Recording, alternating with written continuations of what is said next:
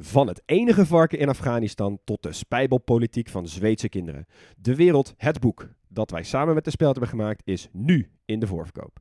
Het is de meest betrouwbare landengids der landengidsen. Het beste boek dat je nooit mag gebruiken bij je eindexamen.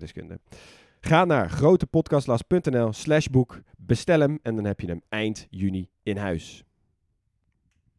Laat me je voorstellen aan Pim Verlaan. Begin op een hele jonge leeftijd met beleggen. Die horizon die jij hebt, gaat zoveel voordeel opleveren. En Pim is een man met een missie. Iedereen veilig en verantwoord leren beleggen. Als je echt iets wil leren, leer het van iemand die één stapje vooruit loopt. Hij legt je uit op welke manieren je kan beleggen. Elke bank heeft eigenlijk zijn eigen beleggingsfonds. Ik hou daar helemaal niet van. Op welke manieren je beter kan beleggen. En hij rekent je voordeel op de euro nauwkeurig uit. 192.000 euro minder rendement. Zelf leren beleggen. Niemand vertelt dit. Pim dus wel. In Jong Beleggen, de podcast. Nou, dat is toch fantastisch? Welkom bij de audioversie van de Atlas. Wij zijn drie geografen en in onze ogen is elk land de moeite waard. Zelfs de kleinste dwerglandjes en eilandstaatjes. En hoe kunnen we zo'n land beter bespreken dan met gekke feitjes, mooie verhalen en kleine quizjes? Dit is de kleine podcastlas.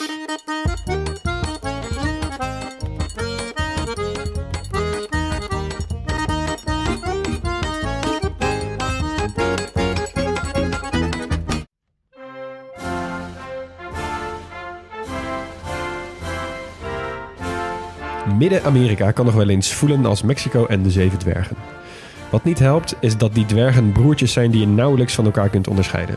Behalve Belize, bestaand uit gemengd bloed van Spanjaarden en jawel, Engelsen. Of dit betekent dat je hier de fluwelen salsa danst met een lauwe pint in je klauwen, dat valt nog te bezien. Maar het geeft Belize wel het nodige onderscheidende vermogen tussen al die andere dwergen.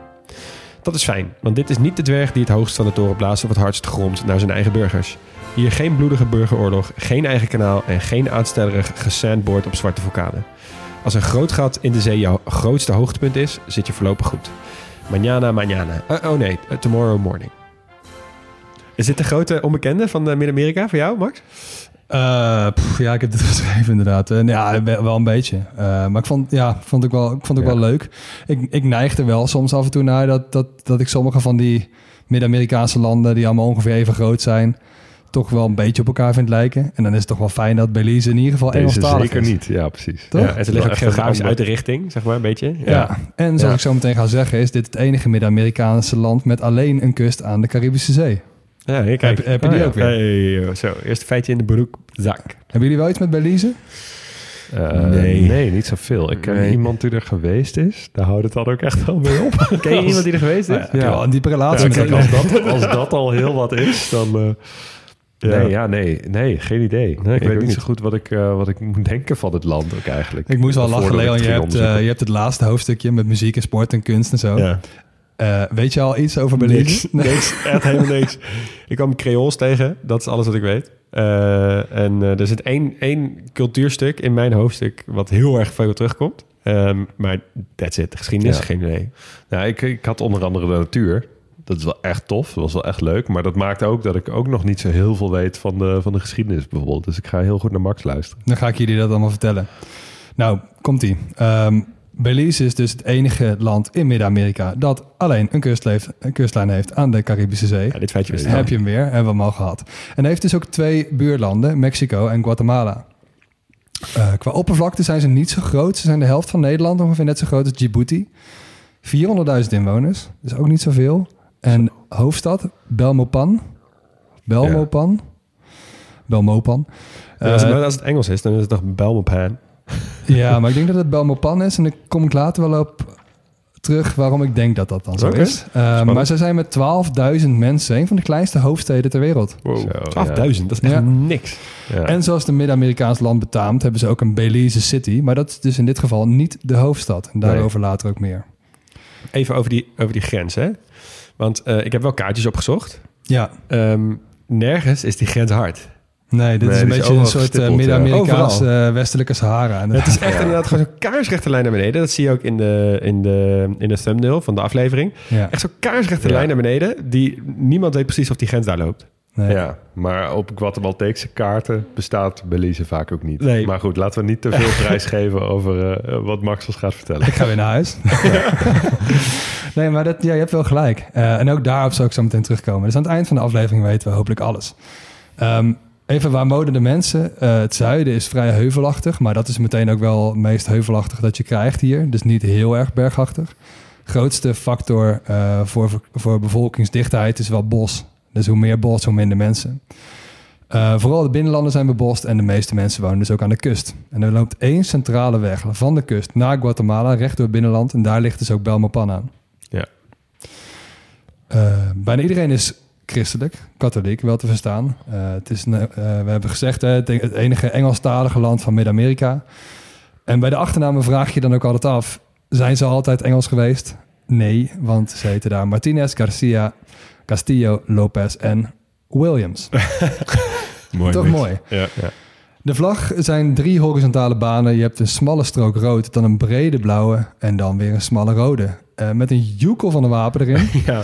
Twee houthakkers van twee verschillende rassen. Eh, met een mahoниeboom in het midden. Daar komen we ook nog wel op terug, denk ik. En met het motto in de schaduw floreer ik.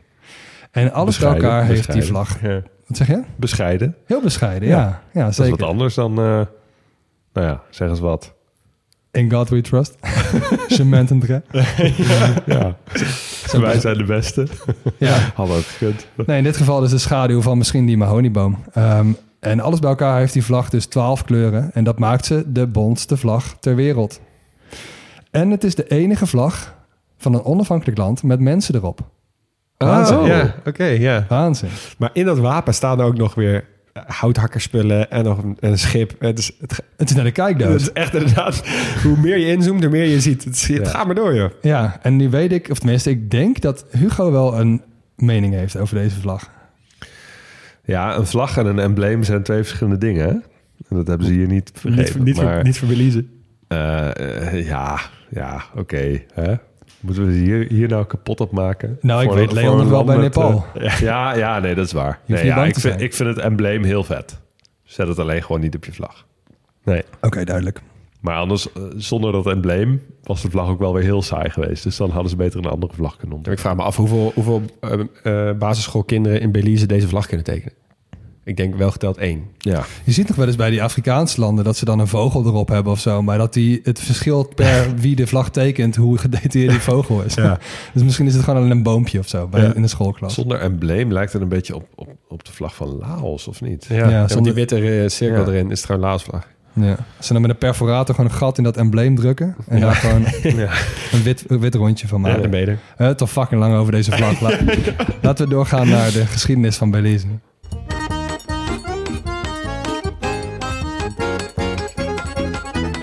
Nou, ik had jullie beloofd, hè, de geschiedenis. En dan doen we natuurlijk ook de bevolking en de politiek. En voordat we daarmee gaan beginnen, zijn er in Belize drie gekke dingen aan de hand. En dat zijn drie vragen die oproepen. En die vragen gaan we allemaal beantwoorden.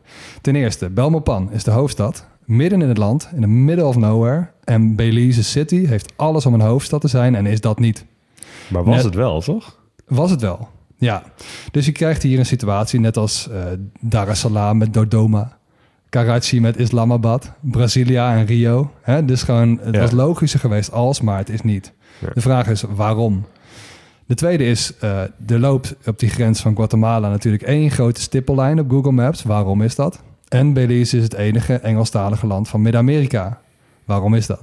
Die gaan we allemaal beantwoorden. Oké, mooi. We gaan eerst die laatste even onderzoeken. Dus waarom is Belize Engelstalig? En dat zijn ze natuurlijk niet altijd geweest. Eh, als je heel ver teruggaat in de geschiedenis, was het deel van het Maya-rijk. Ehm, in wat we nu ook wel kennen als het zuiden van Mexico, Guatemala, een stukje Honduras en Belize dus.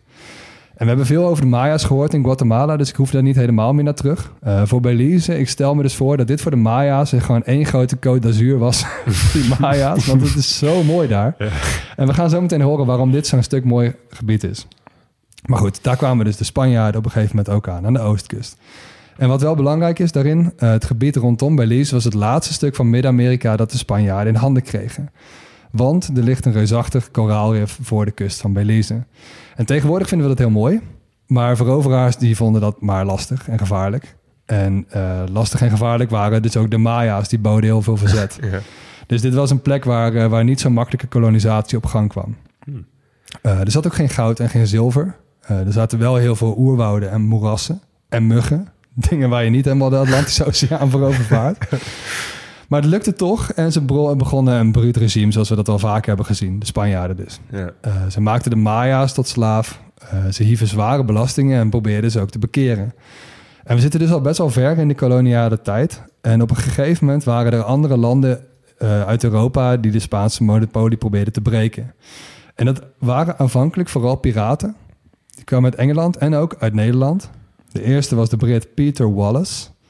En dit was ook echt best wel een chille plek voor piraten. Die kust die bestaat uit heel veel baaien waar ze zich lekker konden verschansen.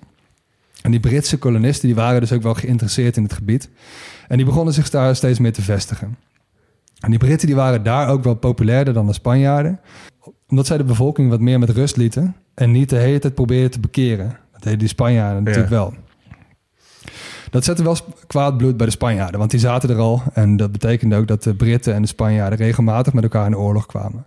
En wat we dan al wel gezien hebben, hè, de uitkomsten van sommige Europese oorlogen, die bepaalden dus ook het territorium aan de andere kant van de wereld. De Spanjaarden gingen qua oorlogen niet super lekker in de tweede helft van de 18e eeuw. En er werd dus zo geregeld. Spanje bleef op papier eigenaar van Belize, maar de Britten die mochten het gaan ontginnen. Nou, de Spanjaarden waren daar niet heel erg tevreden mee. Ook, ja. Ja, die mochten, ja, die Ja. mochten er alles mee gaan doen wat ze wilden. ja. Spanjaarden waren niet blij en die bleven dus wel echt nog een jaar of twintig of zo inbeuken op die Britse handelsposten. Maar in 1798 verloren ze definitief. En de, de slag daar, de Battle of St. George Cay, die wordt nog steeds gevierd als nationale feestdag in Belize. Dus toen verloren de Spanjaarden definitief.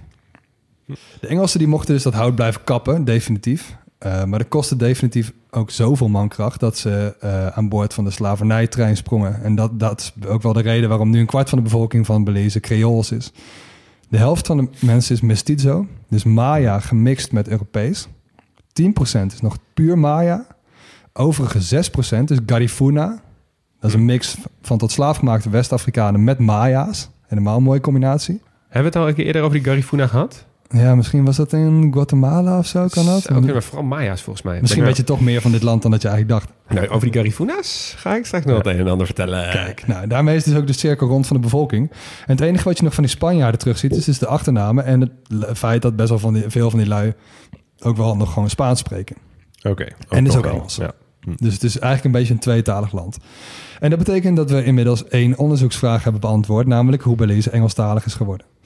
Dan gaan we nog even naar die tweede vraag. En dat is de vraag waarom er dus zo'n stippellijn is met Guatemala.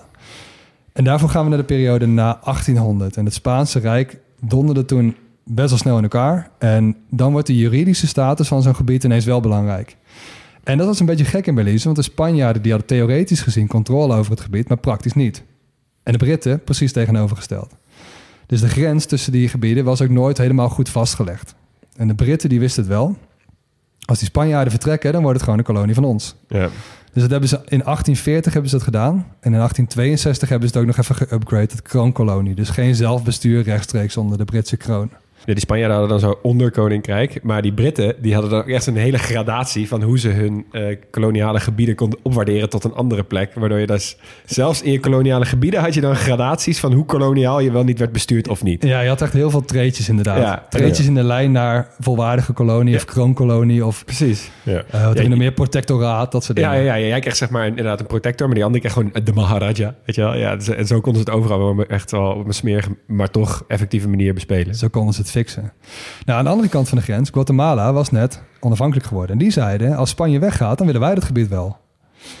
en voor zover ik kon vinden, zeiden zij, eh, wij claimen gewoon een heel stuk Belize. Maar omdat we eigenlijk niet zo goed weten welk stuk, claimen we gewoon heel Belize. en daarvan zei iedereen wel van, ja, oké, doei. Eh, dat gaan we niet doen. En dus er zijn ook wel verdragen getekend waarin die Guatemalteken eh, een uitkomst moesten ondertekenen waar ze het eigenlijk helemaal niet mee eens zijn. Dus vandaar, ze vinden nog steeds dat ze recht hebben op Ja. een deel van Belize, maar doe maar gewoon alles. Dit is echt zo, ja. Ik ga nog even naar de supermarkt om een snackje te halen. Oké, wat ga je halen? Ik denk 50 zakken chips. ja, ik, ik wilde gewoon, ik wilde eigenlijk niet één. Ik wilde ze gewoon allemaal. Ja, ik wil ze gewoon, ik wil ze gewoon allemaal hebben. Ja. Nou, Belize is dus wel gewoon, hè, dat lees je hierin wel een beetje, wel gewoon Brits gebleven. En anderhalve eeuw later pas zijn ze onafhankelijk geworden, in 1981. Dat is al best wel laat. Ja, en er zijn ook wel nog steeds Britten in Belize. Mochten de Guatemalteken binnenvallen, dan is Belize natuurlijk veel te slap om zichzelf te kunnen verdedigen. Dus oh er ja, zitten er nu nog gewoon Britse voor. soldaten? Ja, Wow, oké. Ja, ik wou zeggen, want eh, anders had ik gedacht... Nou, Guatemala, dit is je kans, ga maar. ja. Nou ja, ze zijn er dus in ieder geval voor het afschrikwekkende effect. Maar als je dus in Hm. Guatemala dus een kaart koopt, dan klopt dat. En dan staat Belize daar inderdaad gewoon op. Dit is toch echt bizar, hè? Ja. We, we zouden dus een kaart moeten maken. We hebben het al in verschillende eerdere afleveringen over gehad. Ook in de Falkland-oorlogen bij Engeland. Daar zitten namelijk ook nog steeds Engelse eh, ehm, mensen uit het leger. Hier zitten dus blijkbaar... eh, ja, militairen, dank je. Hier zitten dus blijkbaar ook nog militairen. Ja, Waar zitten er allemaal nog Britse militairen? Die zitten hier Ja. gewoon... om te voorkomen dat het fout Om te gaat. voorkomen dat het fout gaat. In Belize, dat ik het ook niet. Ja, wat dacht je van de Amerikanen? Maar goed. Ja, zeker. hey, jongens, we hebben een heugelijk feit, want we hebben weer een nieuwe vraag beantwoord. Hey. Waarom die stippellijn? Ja, nu wil ik die hoofdstad. Juist, eh, die moeten we nog beantwoorden. Waarom is Belmopan de hoofdstad? En dat is eigenlijk gewoon een kwestie die te maken heeft met natuurrampen. Want Belize was er al vroeg bij om de kwetsbaarheid van het eigen land onder ogen te zien. Belize City was een hele mooie plek aan de kust. Maar werd in 1961 bijna helemaal vernietigd door een orkaan, Hattie. Hattie veel schade gemaakt. en toen dachten ze, weet je wat, we bouwen gewoon een gloednieuwe hoofdstad, centraal in het land.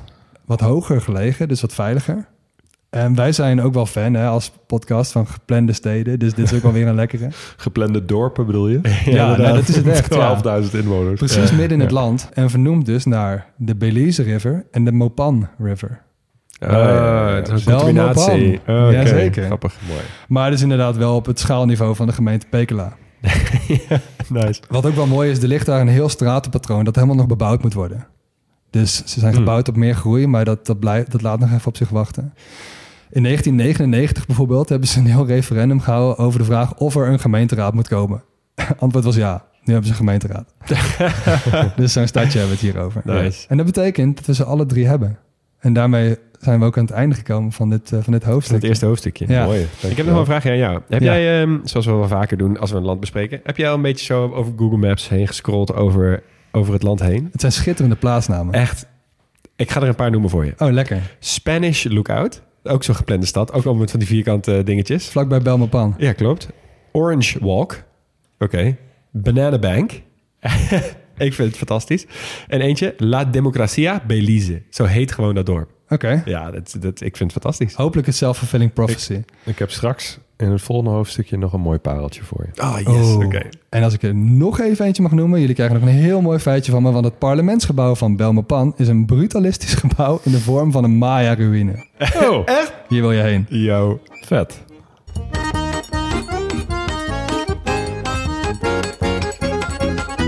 Oké, we gaan even kijken hoe Belize er landschappelijk eh, uitziet. Ehm eh Max, je zei al, in het zuidwesten, bij de grens met Guatemala, daar liggen wat bergen, middelgebergte. Het Maya-gebergte, goede naam. Eh, en dat kan je zeker zeggen van de hoogste berg van Belize. Die heet namelijk de Doyle's Delight. nice. 1100 meter, dus valt mee. Eh, en ja, echt de een goede lokale naam ook. Doyle's Delight. Ja. de rest van het land is landschappelijk eigenlijk vrij eentonig. Het is echt heel dicht bebost. Eh, het, is, het is een grote tropische kustvlakte. Veel mangroves, veel meanderende rivieren. Ehm, als je kijkt op, de, op Google Maps, dan zie je ook dat Belize gewoon echt donkergroen is. En dat begint precies op de grens met Guatemala en met Honduras. Aan de overkant is veel meer ontbost. En Belize is vrijwel helemaal intact. Ja, hoera. Ja. Eh, in die kustvlakte trouwens ehm, ligt trouwens het enige jaguar-reservaat ter wereld. En eh, daar leven ongeveer 50 jaguars. En je moet ook wel goed je best zijn om er één te zien te krijgen. Want het is een heel dicht bebost gebied. En die beesten die jagen vooral in de schemering. Ja, en hebben goede schutkleur. En liggen heel stil. Ja, dus de rest van de tijd zie je ze niet. Eh, dus de meeste mensen die komen naar het reservaat gewoon om te wandelen of, of vogels te spotten, wat er ook heel goed schijnt te kunnen. Eh, maar jaguars zijn misschien wel mijn favoriete katachtige. Oh, uitspraak. Zo. Ja, ehm, want ze zijn wat kleiner dan tijgers, lijken een beetje op luipaarden, maar ze zijn wat steviger gebouwd. Ehm, ze moeten dus vooral van kracht hebben, niet van snelheid, zoals jachtluipaarden en leeuwen. Eh, op de savanne, daar, daar moeten ze natuurlijk veel meer open vlakte, veel meer hollen. Dit is een, dit is een oerwoud, dus een andere manier van jagen. En ik vind ze gewoon echt super mooi.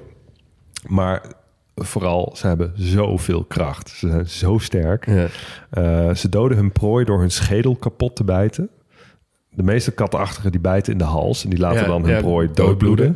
Ehm, maar de jaguar doet dat dus niet. Eh, ze zijn ook de enige katachtigen die reptielen eten.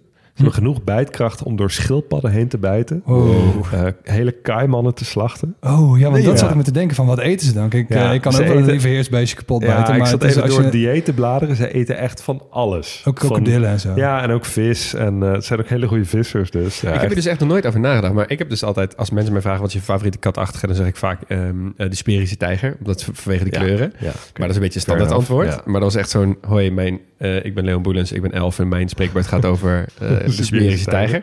Maar daarna ben ik dus heel erg de Puma gaan waarderen. Eigenlijk precies de redenen die jij nu zegt. ja. Want de Puma is ook geen snelheidsjager, zeg maar. Het is ook Nee. gewoon een beetje een eentje die op Ja. kracht en op finesse Maar en ik vind zo... dan de luipaard gewoon qua print Ja, mooier eens. dan de... ik denk, de- die hebben ze juist sorry, overtuigd, de Jaguar. Ja, Ja. ik denk dat je me zojuist hebt overtuigd dat de Jaguar nu ook mijn favoriete Ja. katachtig is. In print, los van dat de Jaguar wat steviger is dan de luipaard... heeft de Jaguar ook wat eh, grotere rosetten. Dus zeg maar die, die, ehm, die tekeningen die zijn Ja. wat groter. En die, eh, een luipaard is wat meer gestippeld, zeg maar. Die heeft wat meer kleine stippen. Ja. En een eh, Jaguar wat grotere, grotere vlekken. Willen jullie volgend jaar een spin-off of met z'n tweeën? Of niet? Zou ik wel willen. Nou goed, de grote eh, katachtige. ik laat eh, de katachtige achter me, want we gaan eh, eh, de zee op. Ehm, want voor het meeste landschappelijk spektakel moet je daar naartoe. Want in de kustwateren van Belize ligt het Barrière Rif van Belize. Eh, je noemde het al, Max. Groot afschrikwekkende factor voor kolonisatoren. Maar het is het ene grootste barrière rif ter wereld. Na natuurlijk. eh, Het de grote Barrier Reef. Ja. Ehm, er liggen hier ook drie van de vier atollen op het westelijk halfrond. Dus atollen zijn op het westelijk halfrond ten eerste heel zeldzaam. Ten Ja. tweede, ze liggen bijna allemaal in Belize. Dat is wel vet. en, en diegene die dat niet ligt, die ligt misschien net over de datumgrens, alsnog gewoon in de Pacific. Ja, ik weet niet precies waar die ligt. Maar, zou mooi zijn. Dat zou me niks Ja. verbazen inderdaad. Ik heb hem niet helemaal kunnen pinpointen. Ehm, bij een van die atollen vind je het fenomeen dat op de omslag staat van alle reisgidsen over Belize. The Great Blue Hole. Ehm, die naam die dekt de lading ook wel aardig. Het is het grootste marine zinkgat ter wereld. Het is een beetje net als dat gat in, eh, bij Flevoland waar we het over hebben gehad. Het ketel niet. Eh, nou, ik vind de vergelijking op zich gaat op. Qua gaat vorm gaat hij op, voor de rest niet. Qua kleur, nou oké. Eh, prima poging. Ehm, maar goed, de grootste marine zinkgat dus ter wereld. Het is perfect cirkelvormig. Een gat in de oceaanbodem, midden in een atol. En door het ondiepe water in de lagune van die atol eromheen... eh, is het gat vanuit de lucht dus ook heel goed zichtbaar als donkerblauwe cirkel. Dus vandaar de, de blue hole. Ehm, het heeft een diameter van ruim 300 meter, een diepte van 124 meter. En het is een kalksteengrot eigenlijk, waarvan het dak is ingestort. En vervolgens is dat door zeespiegelstijgingen helemaal onder water komen te staan. Oh, oké. ja. En als je dus wilt duiken tussen stalagmieten en stalactieten, dan is dit echt je plek. Vet. Eh, Discovery Channel, ehm, die heeft het uitgeroepen tot most amazing place on the earth. Discovery Channel heet het Ja. uit. Oké. Oké. Dus dit is nogal een uitspraak. Ik wou net zeggen. Die, Ja. hebben, die hebben echt alles Van gezien, mensen toch? die er verstand van hebben. Ja, Ja. oké. Je hebt trouwens op het vasteland en eh, eh, van, van Belize, maar ook op de rest van het schiereiland Yucatan, wat eigenlijk ten noorden van Belize ligt in Mexico, heb je vergelijkbare zinkgaten. Dus kalksteengrotten waar het dak van is ingestort. Alleen daar is het niet onder eh, zeeniveau komen te liggen. Dus daar ziet het er gewoon uit als een meertje. Oh ja. Maar het zijn wel populaire plekken om, om te duiken bijvoorbeeld. Ehm, nou, even de economie. Belize heeft best wel een bescheiden economie. Ze hebben ehm, ja, grondstoffen in, eh, in hoeveelheden die de moeite van het mijnen eh, eigenlijk niet waard zijn. Klein beetje olie. Vroeger dreef de economie dus vooral op die mahoniebomen. Ehm, en nu is de primaire sector nog steeds best wel groot. Bestaat vooral uit suiker, bananen, vis. En dat Britse verleden maakt het qua economische samenwerking ook een beetje een outlier in Centraal-Amerika. Het is het enige ehm, Centraal-Amerikaanse land dat lid is van CARICOM, zeg maar de EU van de Cariben. Oké, ja. Dus het is qua economische samenwerking veel meer gericht op de Cariben dan op Centraal-Amerika. ja. Ja. Ehm, ze betalen trouwens met de Belizeaanse dollar. Eh, die is qua waarde gekoppeld aan de Amerikaanse dollar. Dat zie je wel vaker in deze, in deze gebieden. Maar één Amerikaanse dollar staat gelijk aan 1,97 Belizeaanse dollar. Dat is zo handig. Ja, doe dan twee. Dit- Come ja. of doe gewoon één. Als je het toch aan elkaar koppelt, Ja, koppelt enough. maakt er dan in godsnaam uit? Dus ja, super handig. Ik heb hun geld gezien. Ja, Daar staat Queen Elizabeth II op. ja. op een dollarbiljet. Op ja, een maar dat heb je, dat, wat gekoppeld is aan de Amerikaanse dollar. ja, maar dat heb je op best wel veel eilandstaten ook in de Cariben. Ah, dat, de munt gekoppeld is aan de Amerikaanse dollar en vaak zelfs dollar heet, maar alsnog wel eh, ja, het staatshoofd toevallig Elizabeth is, of nu Charles. Ja. Ehm, ja, in zo'n eh, kleine economie is toerisme natuurlijk een relatief grote sector. Eh, de meeste toeristen komen dus af op het natuurschoon, tropische bossen, stranden, koraalriffen. In het binnenland zijn ook nog een aantal oude Maya-steden te bezoeken. De bekendste twee zijn Karakol en Xunan Tunic. Eh, dat is geen Servische voetballer, maar een Maya-stad. Eh, denk trouwens niet dat dat de oorspronkelijke namen zijn. Nee, zo Want- voelt het niet. Nee, de steden hebben deze naam gekregen op het moment dat ze zijn ontdekt. Hoe ze vroeger heten is niet bekend. Ehm, en vooral Karakol was vroeger echt een belangrijke stad. Er woonden twee keer zoveel mensen als er nu in Belize City wonen. Yo. Dus het was verreweg de grootste stad geweest van Belize als het nog had bestaan. En nog steeds staat hier ook het hoogste bouwwerk van Belize. Drie- 43 meter. Zegt ook wel iets over de rest van Belize, maar toch. Is er in heel Belize geen gebouw dat hoger is dan 43 meter? Nope. Dat is echt geweldig. Wauw. Ja, en het ligt ook allemaal best wel dicht bij Tikal en zo, hè? Dus wel Ja, logisch. klopt. En Caracol kon zich ook echt wel meten met Tikal in Guatemala en Chichen Itza in, eh, in Mexico. Allemaal veel bekendere Maya-steden. Ehm, ook die namen zijn trouwens niet origineel. Tikal en Chichen Oh ja? Itza. Nee, ja, maar ze, hebben, ze weten nog zo weinig van die Ja, talen... en het- dat ze ook niet weten hoe dingen benoemd zijn en zo. Ja, het blijkt heel moeilijk om de oorspronkelijke namen te vinden. Dat ten eerste. En ten tweede, als je ze gevonden hebt, is het heel lastig om die, om die Maya-hieroglyphen, zeg maar, om te zetten in Latijns schrift. Ja, omdat ze, daar hebben we het over gehad volgens mij in, in, in Guatemala. Dat ze die echt, zeg maar, die Rosetta Stone... Precies. om hieroglyphen te vertalen Ja. voor eh, het Maya's... Hoe, zet, daar niet hoe spreek gevonden. je het nou uit? Ja. Hoe zet je het om? Wat betekent het? is allemaal heel lastig. Ja. Maar hoe dan ook, de overheid van Belize doet er wel heel veel aan om, eh, om mensen naar die Maya-steden te trekken. Ehm, dat lukt alleen in Guatemala en Mexico een stuk beter dan in Belize. Wat toch opvallend is, want het is een Engelstalig land. Het ligt in de, in de Cariben. Ja, ik had in ook van Midden-Amerika. Ik bedoel, als al die Amerikaanse toeristen allemaal ook naar Costa Rica komen. Ja, Waarom ja, gaan ze dan is- niet naar Belize? Ja. Ja, ja, kijk, het is, het is natuurlijk eh, zo dun bevolkt. Eh, je zei het al, één weg van oost naar west. dus, dus het is ook gewoon heel lastig om, om dit land te bereizen. Het is eigenlijk gewoon een beetje het Suriname van Midden-Amerika, als ik het zo ja, hoor. daar Ja, kan je best wel. wel op... eh, ja, vind ik een aardige vergelijking. Dankjewel.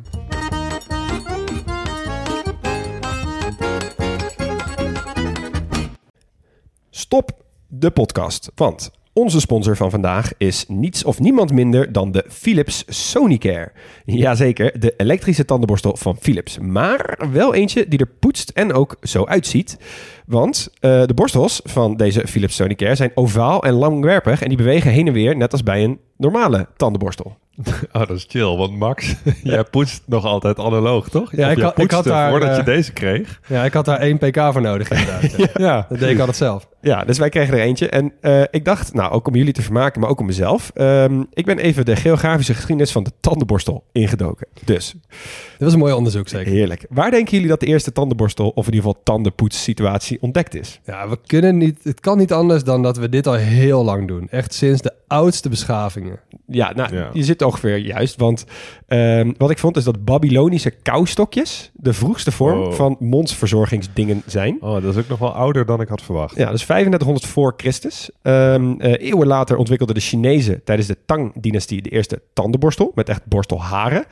Eh, en die innovatie die heeft Europa bereikt via de zijderoute, dus de klassieke variant, en werd uiteindelijk in Frankrijk gespot rond het jaar 1560. Dan skippen we even vooruit naar ehm, de Brit William Addis. Want die zat in 1770 in de cel. En die zag een gevangenisbewaarder met zijn bezem de grond schrobben. En die dacht, hey, wacht eens even. Dit kan je ook met je mond doen. Dus eh, hij heeft toen een eh, borstel gemaakt door varkensharen aan een bot te bevestigen. En toen hij vrijkwam, is dit de eerste tandenborstel die massaal werd geproduceerd en algemeen beschikbaar was voor meer mensen. Dus hij wordt een beetje gezien als de vader van de tandenborstel zoals wij die kennen. Shout-out William Addis. ja. En nu hebben wij hier wat door tandheelkundige professionals over heel de wereld wordt aangemerkt als het meest aanbevolen Sonische tandenborstelmerk, namelijk die Philips Sonicare. En de lieve mensen van Philips hebben ons er eentje opgestuurd, dus ik ben vooral benieuwd. Max, wat vind je ervan? Ja, mijn leven zal nooit meer hetzelfde zijn. Nee, eer- ja, eerlijk. Ik deed dit altijd zelf, dus ik poetste altijd zelf. En ik heb ook wel elektrische gehad. En dan merkte ik dat ik die beweging nog steeds zelf aan het maken was. Ja, Maar dit is een heel goede combinatie van beide. Want ik hou me gewoon mijn borstel stil. ja, Maar dat ding poetst voor me. ja. Dit is, ja, Ja. Ja, voor mij is het ook wel een uitkomst. Want ik, ik poets al wel een tijdje elektrisch. Met een beetje pijn in mijn hart. Ik heb altijd een beetje heimwee gehad naar analoog poetsen. En ik was ook echt weer toe aan een nieuwe borstel. Dus ik vond het echt super chill dat we er gewoon in opge, opgestuurd krijgen. Ik voel me ook eens echt een zieke influencer. Je ook? Zei jij niet ook dat, dat jij hem pas toevallig juist op je verlanglijst hebt Ja, gezet? ik had hem echt de dag voordat ze hiermee kwamen... had ik hem eh, op mijn verlanglijstje voor mijn verjaardag gezet. Nieuwe tandenborstel. En Leon, Dus- jij, leest, jij leest dit, dit hele mooie studietje nou voor met, met heel veel bombardie. Maar jij was ook die man die zei dat hij al 15 jaar dezelfde tandenborstel had. toch? Zeker, Dus ja. dit kwam wel echt uit voor ons. Ja, het kwam Ja. echt fantastisch uit voor Ja. ons. Nou, wil jij ook tot 20 keer effectiever je tanden poetsen en net zo blij zijn zoals deze drie heren dat zijn? Eh, ga dan absoluut voor een Philips Sonicare. Eh, want ik zou bijna willen zeggen, dit is wel de nieuwste innovatie van een 5500 jaar oud modelletje. En dan gaan we nu terug naar de podcast. Terug naar de podcast.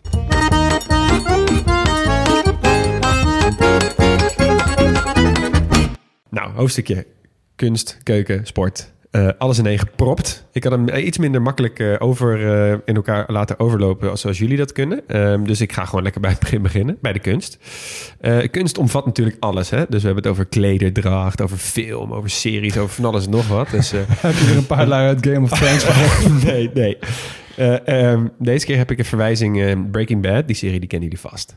Ja, die ken ik wel. Ja, toch? Van gehoord. van gehoord. Ik, oh man, dit is, dit is even een heel klein, heel klein zijstapje. Dit is wel mooi, want ik heb het heel vaak als wij, als ik iets noem qua film of serie of zo uit de afleveringen, dat er mensen naar me toe komen. Hoe kennen ze Trainspotting niet? Of hoe kennen ze Game of Thrones niet? Of hoe kennen ze in dit geval Breaking Bad niet? Dus Ja. ik ben blij dat dit soort dingen, dat ik nog even aan mijn, aan onze luisteraars eh, te danken heb dat ik hier nog een soort medestanders in vind. Want hier aan tafel ga ik ze niet vinden. Ja. Maar goed, in Breaking Bad wordt going to Belize gebruikt als synoniem om iemand te laten ombrengen. Oh, dat vind ik wel leuk. You can always send him to Belize, hoor je dan zeggen. Eh, en toen Belize toerisme daarachter kwam, hebben ze de hele crew een reis naar Belize aangeboden. Ja, dat soort dingen hou ik van. Oké, dat is wel goed. Ja. Sportief. Tot zover eh, alle andere vormen van kunst. Dan gaan we naar de muziek. Ja hoor. Ehm, eh, want natuurlijk, Caribisch, hebben ze hier ook een eigen versie van Calypso. Dat heet Breakdown. Breakdown-achtig, Breakdown. En het nationale icoon van eh, de Belize muziek, eh, Breakdown, is Mr. Peters. Oftewel Mr. Pitas. Eh, hij was een van de meest geliefde muzikanten van het land. En als ik de mensen moet geloven, de dingen die ik heb gelezen, kent iedereen zijn naam. Hij bracht de Creoolse cultuur van Belize in zijn breakdown-stijl heel goed door. Dus ik heb een nummertje van hem geselecteerd wat goed passend heet Good Morning Belize.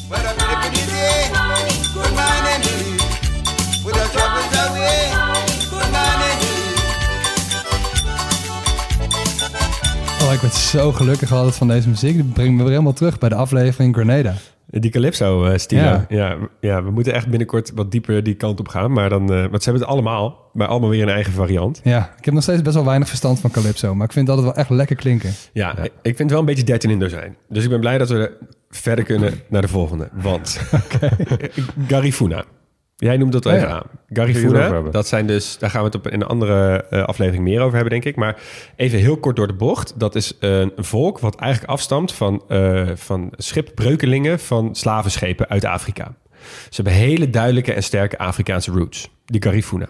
Dus de traditionele Garifuna-muziek heeft ook veel drums. eh, met, met twee verschillende soorten drums. De primero tenor en de segunda bas drum. En gaat vaak gepaard met chakas, maracas eh, en zang. Eh, allereerst wil ik even een, goed voorbeeld geven... dat je de sound een beetje begrijpt van een artiest... die eh, het Afrikaanse heel goed heeft gemixt met het Zuid-Amerikaanse. Of eigenlijk Midden-Amerikaanse moet ik zeggen. Het gaat over Paul Nabor. Hij schreef dit nummer na het overlijden van zijn zus... en het heet Naguya Ne, oftewel Ik ga verder. I'll move on.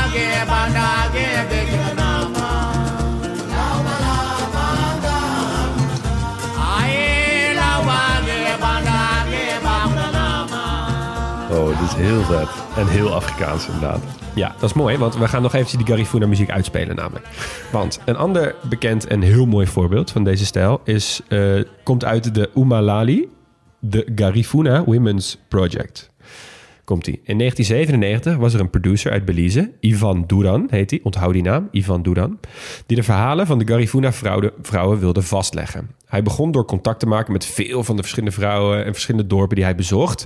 En eh, wilde hen eh, stemmen en hun geluid opnemen terwijl ze hun dagelijkse dingen aan het doen waren. Of dat nou zeg maar de klassiek eh, traditionele schoonmaakdingen was, of tijdens het sporten, of tijdens het zwemmen, of whatever. En nadat hij had besloten welke stemmen hij op, het, op zijn nieuwe album wilde hebben, begon hij een kleine opnamestudio op te zetten in hutten aan het water, waar zij in de buurt woonden. Hij noemde dit project Umalali. Het heeft hele vele vormen aangenomen, waaronder dus dit album. En ik wil één nummertje laten horen van dat album, het nummertje Merua.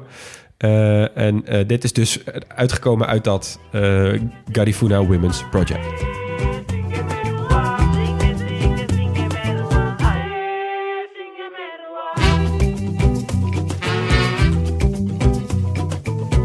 Zit even te bedenken wat ik hiervan vind. Ik vind het ten eerste best wel cool. En ten tweede zit ik even te kijken welke st- stijlen ik er allemaal in terug hoor. Want je hebt die gitaar, die, die, die, die fladdert er lekker doorheen. Ja. Maar je hoort ook die, die soort van Creoolse-achtige ritmes op de achtergrond. Doet Het, me ook een het beetje... is dus niet Creools. Dat is dus, dit is, dit is Garifuna. Dus het is wel echt iets anders. Maar ik Ja, begrijp wat je bedoelt. ja, Het is echt ja, Afrikaanse de stijl. Vibes hoor je ja. Ja. dit, hele album, eh Umalali, eh, ik zal hem tippen op de website. En ik zet hem in de, de grote popatlas. Dat album, ga dat luisteren. Zo'n heerlijk album. Al die nummers zijn echt fijn eh, om te luisteren. En het grappige is dus, de meerderheid van die vrouwen op die albums zijn dus helemaal geen professionele muzikanten. Dus eh, het, het- een van die dingen die die producer deed, die Ivan Duran, was gewoon hen overtuigen van ja, het maakt niet uit. Zeg maar gewoon, praat maar gewoon, zing maar gewoon. Ik neem het op en het komt op het album. Ik Komt maak er wel wat moois van. ja, precies. Ehm, eh, maar die Garifuna Sound was eigenlijk gewoon klein gebleven. Waren het niet voor één man, namelijk Andy Palacio. Hij was ooit leraar sociale wetenschappen, eh, maar hij ging toch zijn hart en dus de muziek achterna. Hij reisde naar alle buurlanden op zoek naar die Garifuna Sound en die roots en wat dat precies betekende voor de omgeving en de mensen. Allebei de buurlanden. ja, ja nou, allebei de buurlanden en de landen daaromheen, zeg Ah, maar, waar. Garifuna eh, roots ook liggen, maar dus ook de eilandstaatjes en zo. Nou goed, hij kwam terug, eh, maakte album, maakte muziek, eh, speelde briljant gitaar. eh, en is op dit moment, denk ik, van wat ik tegen kan, wel misschien wel de grootste artiest die Belize ooit heeft voortgebracht. Ik laat een nummer van hem horen. Het nummer heet Weyu Larigi Weyu.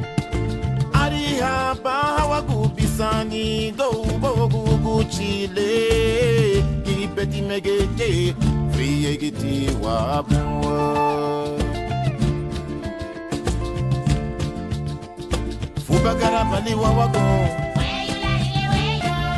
Zo, het voelt ook echt weer alsof ik in de aflevering Senegal zit. Ja, toch? Ja, nou, dat doet het serieus. dus ook. Ja.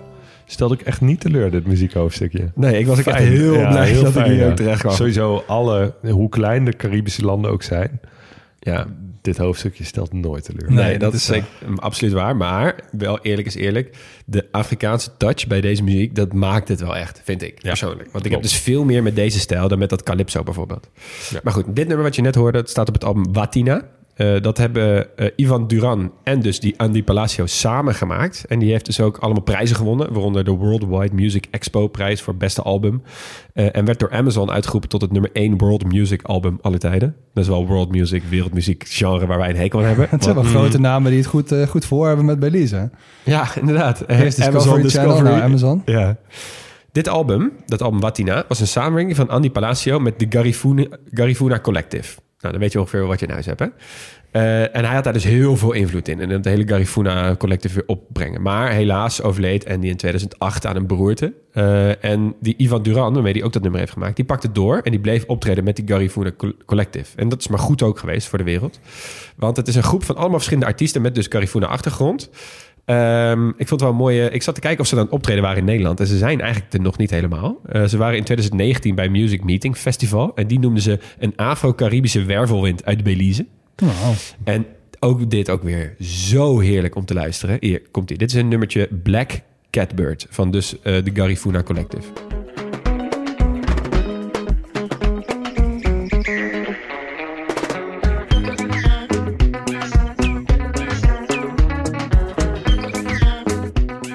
Ja, dit lijkt weer een beetje op eh, wat we bijvoorbeeld in Be- eh, Benin draaiden. Caleta en zo. Ja, ja, nou ja, precies. Met de Purple Disco Machine. Dat is een beetje die vibe. Ja, klopt. En er staan dus ook heel veel nog van dit soort nummertjes erop. Dus echt, Eh, Luister je dit en ben je verantwoordelijk voor de line-up van een groot festival? Ga deze groep naar Nederland halen, alsjeblieft. Want ik weet zeker dat het werelds klinkt op een zomerse festivaldag. Ja, boek Ja. Belize. Nou, dan van uh, groots naar heel klein. We gaan eventjes naar de keuken van Belize. En ehm eh, ze ontbijten met fry jacks.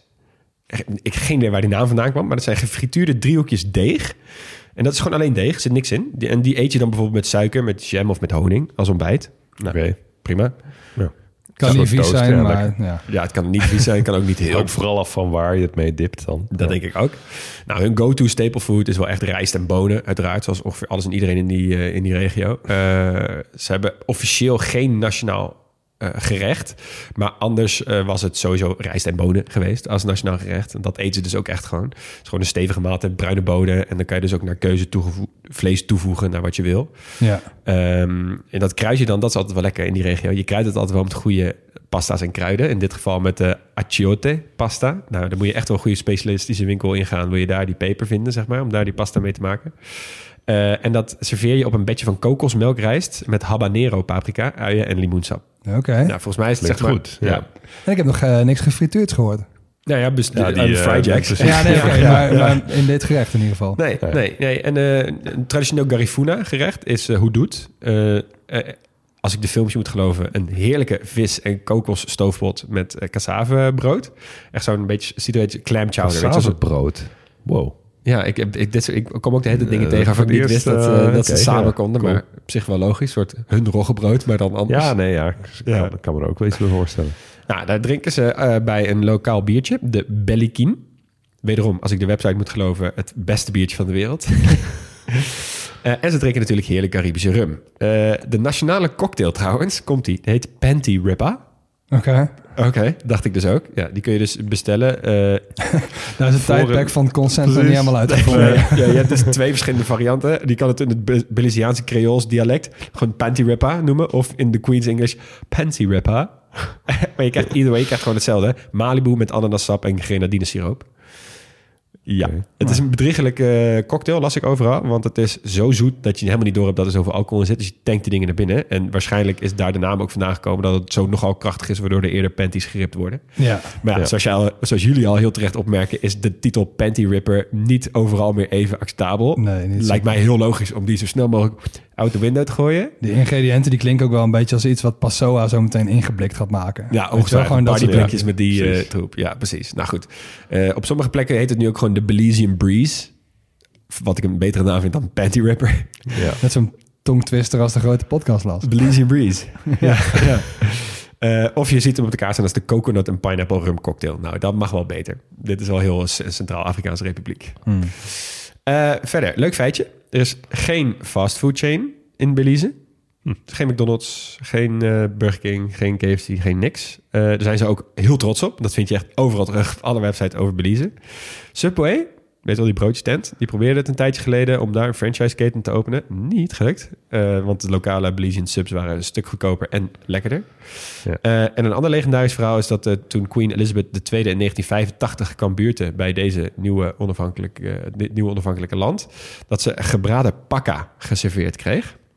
Oh ja, dat is zo'n knaagdier, toch? Ja, ja een pakka is een, een groot knaagdier. Ik moest het echt opzoeken. Ja. Ongeveer 70 centimeter lang en met een gewicht van 6 tot 12 kilo. En eh, het is inderdaad gewoon een groot Gewoon knaagdier. capybara-achtig. eh, maar ja, maar dan die wel ja. iets kleiner, zeg maar. Ja. En sindsdien staat het beestje daar bekend als de Royal Rat. Oh ja. Omdat Queen Elizabeth die heeft gegeten. Ja. Ja, vind ik wel funny. Nou, goed. Eh Ten slotte, de sport. Eh, ze doen sinds 1968 mee aan de Olympische Spelen... maar hebben nog geen medaille gehaald. Eh, ze, er zit wel een Olympisch tintje aan het land... maar dat komt door iemand anders, namelijk Michelle Kwan. Kennen jullie die nog? Nee. Amerikaanse kunstschaatster... die echt heel veel goud heeft gehaald. Die is nu de ambassadeur, Amerikaanse ambassadeur in Belize.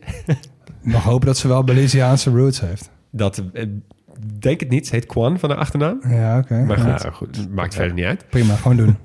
Ja, de populairste sport is voetbal, waar ze niet zo goed in zijn. Want ze staan 181ste op de wereldranglijst. Nationale team heeft trouwens wel de bijnaam de Jaguars. Dus dat is dan weer wel leuk. Oké, ja. Ja, eh, ze waren in 2012 wel wereldnieuws. Want er waren er twee spelers van het nationale elftal... die eh, weigerden steekpenningen aan te nemen tegen de VS. Die zeiden, joh, we zijn benaderd door iemand... die briefjes van 100 naar ons begon te gooien... en die zeiden dat we de wedstrijd moesten verliezen. Die twee gasten die werden heel erg eh, geroemd... Dat ze, dat ze hier voorop zijn Die gekomen. zeiden, we hebben echt geen briefjes van 100 nodig om te verliezen van de Verenigde Staten. Nee, Dat die gasten toch zeiden, wel. dus, jullie gaan toch verliezen... dus doe even dit en dit en dit en dit. Ja, precies. Oké, ja. Is ook wel, hoe herken je omkoping? Denk wel hierdoor. Ja, precies. maar die gasten die heten dus Ian Gaynor, Gaynor en Woodrow West. Volledige naam Woodrow Wilson West. Kijk. Ja, nou goed. Ehm, overigens heeft FIFA hier nooit op gereageerd. Eh, uiteraard, want het zijn een stelletje boeven. Eh, ze houden van softbal, basketbal en ze hebben een klassieker wielen, eh, fietswedstrijd. Namelijk de Cross County Cycling Classic. Sinds 1928.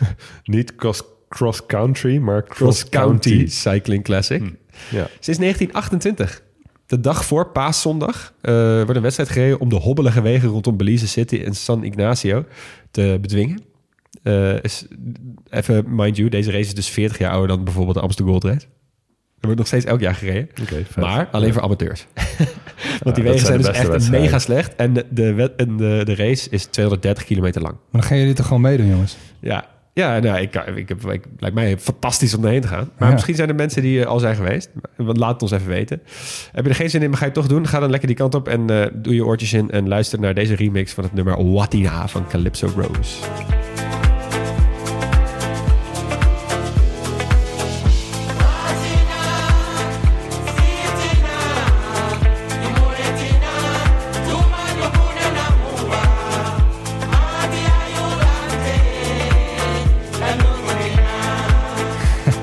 Hem gewoon.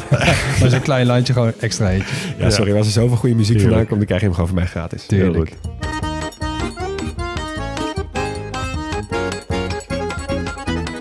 Oké, de slotvragen. Wat maakt Belize uniek?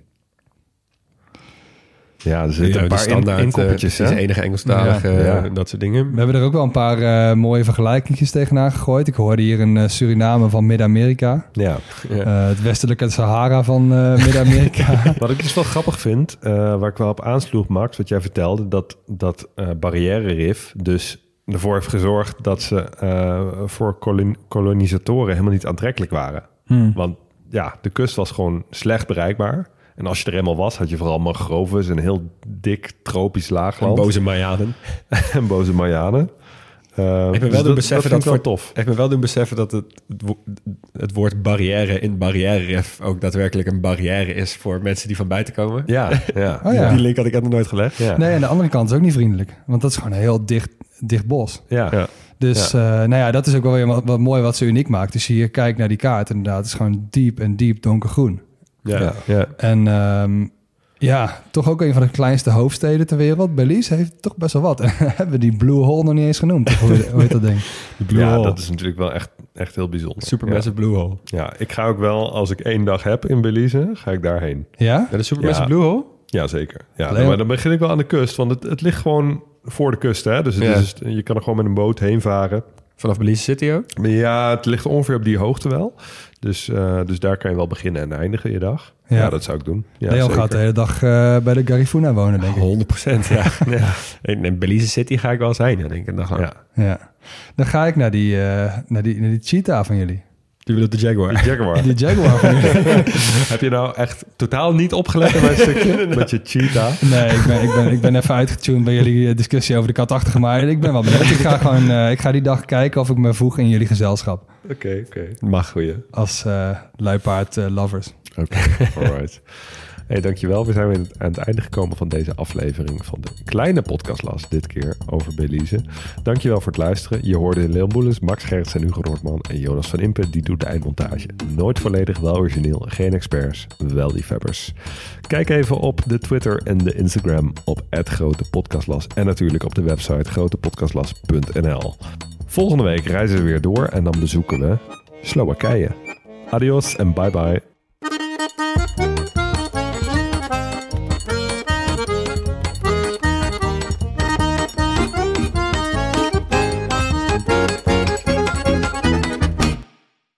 Luisteraar, luister je nog steeds? Klasse man, je hebt er gewoon helemaal afgeluisterd. Nou, nu je tot hier bent gekomen, koop dan ook gelijk even ons boek hè. grotepodcastlas.nl slash boek. Doei!